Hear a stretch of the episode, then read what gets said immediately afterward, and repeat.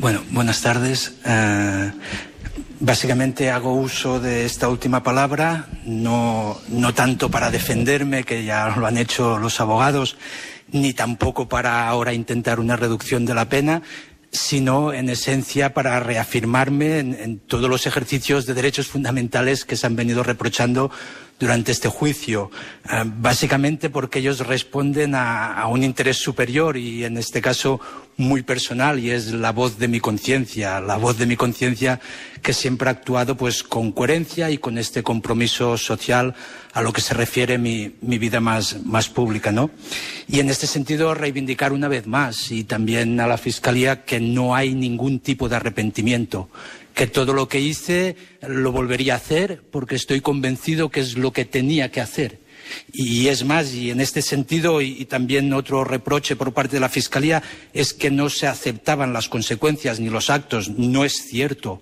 Yo los acepto, los actos y las consecuencias. Yo fui al tribunal, a la Audiencia Nacional, el 6 de octubre del 2017, volví a ir el 16 de octubre y nunca he eludido la justicia, pero porque esta es mi forma de ser, pero es la forma de actuar de aquel que está actuando en base a su conciencia. Y por lo tanto todos mis actos siempre han sido públicos, siempre lo seguirán siendo y también en esta nueva condición de la que les hablaba el día que hacía la, el interrogatorio de, de preso político y de persona con más proyección pública, también les quiero compartir con ustedes que es un altavoz inmejorable. Estoy convencido que mis compañeros y yo mismo no, no, estamos de acuerdo con la cárcel, pero sí que es verdad que hemos detectado que es, que es un altavoz que nos permite denunciar aún de manera más, más contundente la vulneración de derechos fundamentales y la falta de democracia que estamos sufriendo los ciudadanos del Estado español y, por lo tanto, tampoco renunciamos a esta condición de, de presos políticos. Lo que estamos viendo eh, y, y, es muy probable que, que, que, tengamos una disparidad de opiniones, pero es un juicio a la democracia, porque en realidad lo que estamos haciendo es ejercer derechos fundamentales, derechos que, que, que los hemos aprendido pues del paso de la humanidad, conquistas que se han logrado en esta sociedad y que nosotros pues estamos intentando utilizarlos pues con, con la mayor de, de, las aptitudes. Se ha comentado también, y no, y no quiero hacerme muy repetitivo, pero es cierto, del resultado de este juicio, pues sí, pues depende la calidad. Depende la calidad de la democracia en el Estado español, no solo en Barcelona, en Vallecas, en Pamplona, en Salamanca, en Vigo, y supongo que todos somos muy conscientes, porque lo que se penalice en Barcelona, pues se tendrá que penalizar también en Madrid. Y estoy convencido que en la respuesta a este intento de penalización de este ejercicio de derechos fundamentales, pues una vez más, todos los demócratas del Estado español, pues nos vamos a unir en defensa de lo que siempre hemos defendido, que es la democracia y la libertad de expresión.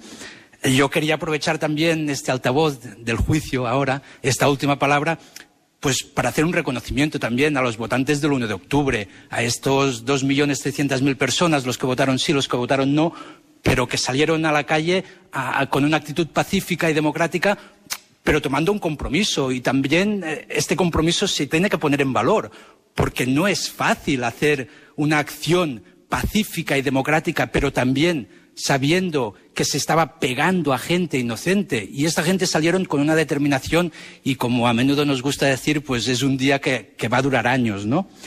Ah, y también otro reproche de, de, los señores de la Fiscalía, ¿no? Constante. Y, yo, desde la tercera fila de aquí del banco de los acusados, pues lo iba escuchando todo el rato, ¿no? Estas cincuenta y pico sesiones, que decían todo el rato, es que hizo llamamientos a la movilización permanente, ¿no? Es que sí, es que es verdad, es que es verdad. Y, y cuando te acusan de una cosa que cuando es verdad que lo has hecho, pues ¿qué tienes que decir? Pues que sí, que lo hice y es que es más, es que tengo casi la obligación moral, si me permiten, de volverlo a hacer hoy aquí, ¿no? Catalans, catalanas, movilització pacífica, democràtica, permanent, cívica y, y que nunca desfallezca y que siempre sea pues con esta voluntad de mejorar la sociedad. Porque si este es el reproche penal que se me hace a mí o a cualquier otro ciudadano, pues mal vamos en este país. Por lo tanto, sí, señores fiscales, movilización permanente y sin ningún tipo de reparo. Y también derecho, derecho a protestar ante todos los poderes del Estado. Y es lo que estábamos haciendo el 20 de septiembre de manera democrática, pacífica. Pues, sí, sí, una protesta. No estábamos de acuerdo en una decisión pero nos limitábamos a hacer lo mucho que puede hacer un ciudadano de a pie, y es protestar. Y es lo que estábamos haciendo el 20 de septiembre. Y es lo que parece que se quiera poner en cuestión en este juicio, que la gente deje de protestar.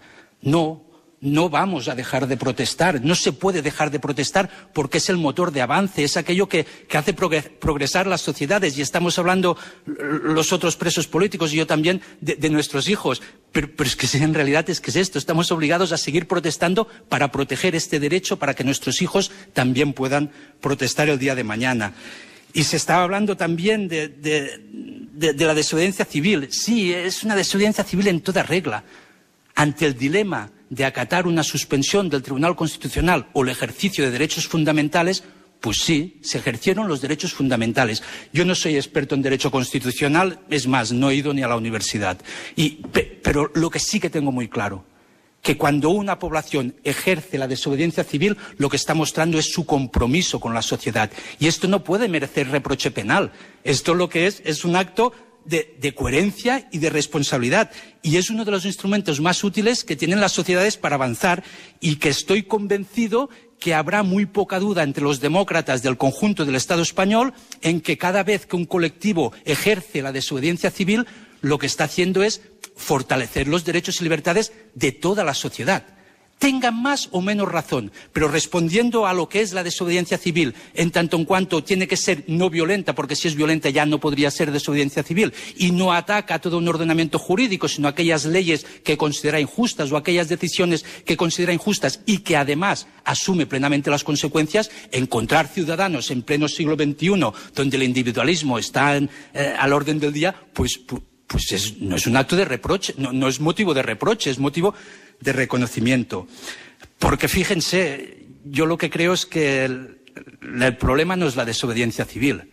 El problema que tenemos en las sociedades de hoy en día es la obediencia civil.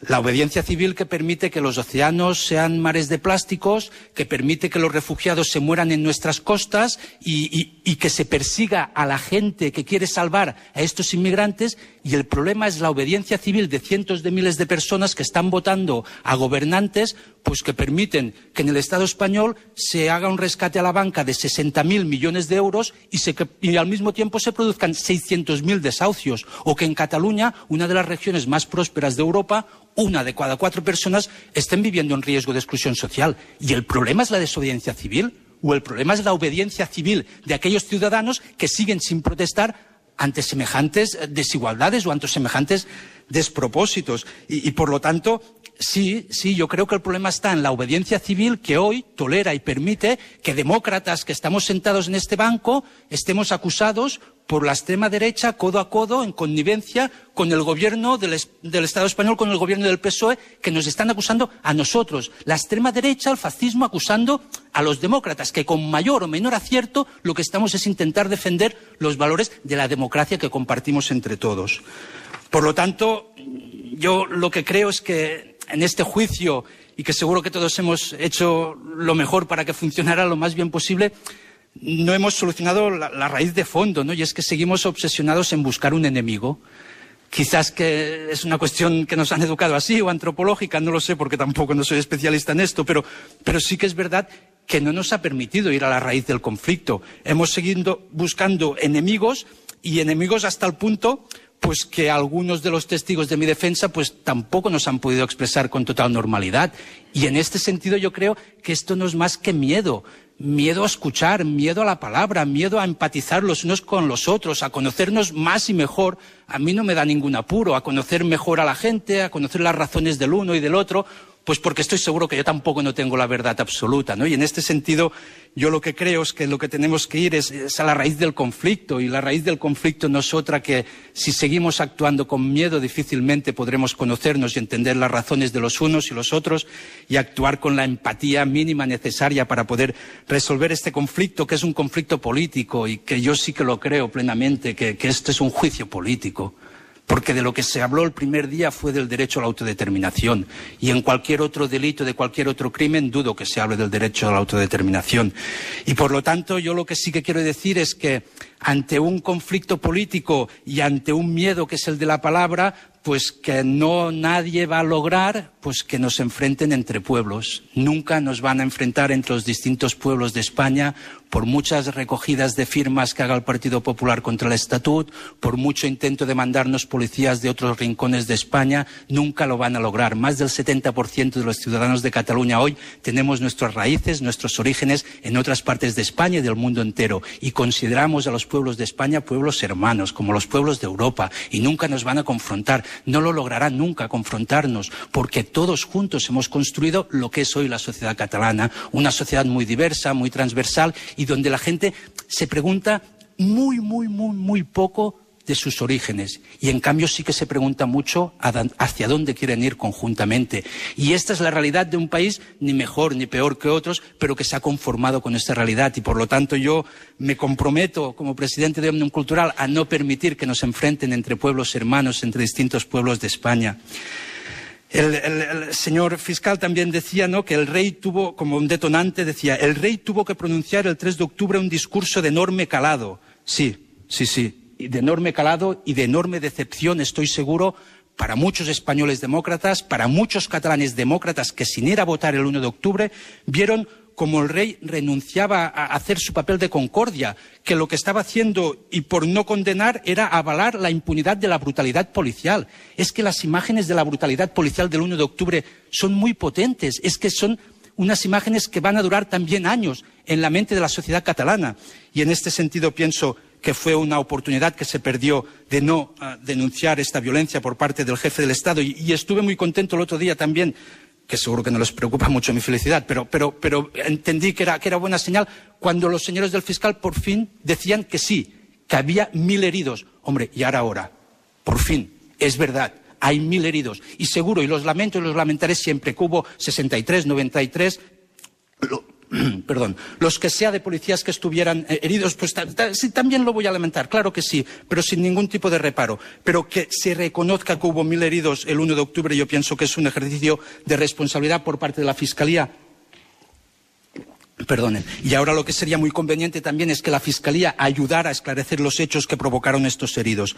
Por lo tanto, ah, yo lo que les quiero compartir con ustedes en estos tres minutos que me quedan es que yo me niego a vivir sin esperanza y me niego a deshumanizar mi vida y me niego también a que mis relaciones y mi modo de sentir se tengan que establecer a partir de ahora con enemigos porque yo no tengo ningún enemigo y por eso me niego a odiar a nadie y me niego a decir que uh, siento ningún tipo de reproche hacia nadie. Yo lo que sí que quiero decir es que, por un lado, no voy a renunciar nunca a ser feliz y que yo he descubierto también que yo no nací ni tan siquiera para ser forzado a odiar a nadie.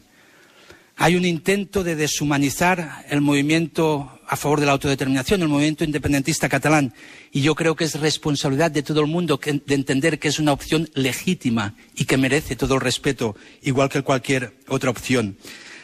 De la decisión de este tribunal no van a cambiar mi prioridad, que no es la de salir de la cárcel, y lo digo con toda la humildad y con todo el respeto hacia ustedes.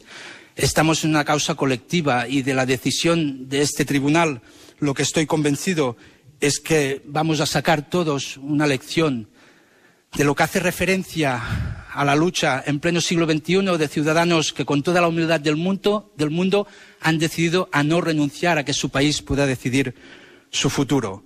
Y por lo tanto sí que les quiero hacer partícipes que en este momento mi prioridad como presidente de Omnium Cultural no es salir de la prisión, aunque sí que entiendo que la prisión no es ilegítima porque no soy culpable de ningún delito, pero que mi prioridad es seguir luchando y trabajando para avanzar en la resolución del conflicto político y lograr pues que, que mis hijos, los dos mayores, el pequeño Amat que estoy viendo crecer entre barrotes y uno que está viniendo, que si Dios quiere en otoño pues, pues voy a tener pues que puedan vivir en un país pues mejor y más libre. Y me parece que esto es una aspiración que nos unifica mucho a todos los seres humanos.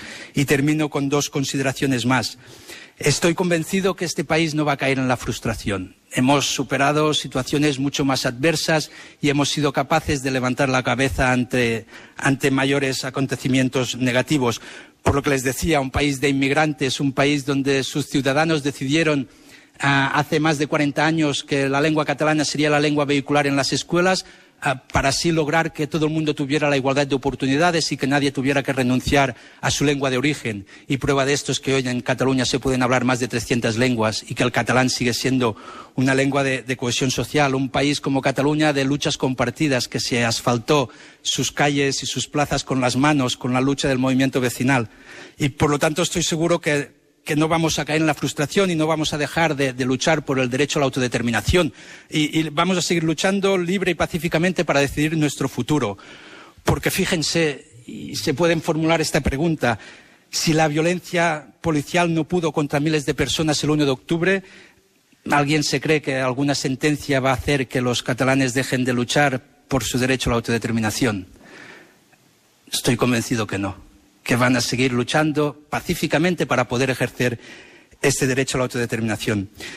Y termino. Se me juzga por ser el décimo presidente de Omnium Cultural, y ambas cosas son un honor. Y se nos juzga por manifestarnos, por expresar, por movilizar, por votar, y les digo sin ningún tipo de acritud y tampoco de prepotencia y con toda la serenidad del mundo, que estoy convencido que auturnaremos fe, que lo volveremos a hacer y lo seguiremos haciendo como lo hemos hecho hasta ahora, pacíficamente, serenamente, pero con toda la determinación del mundo. Muchas gracias.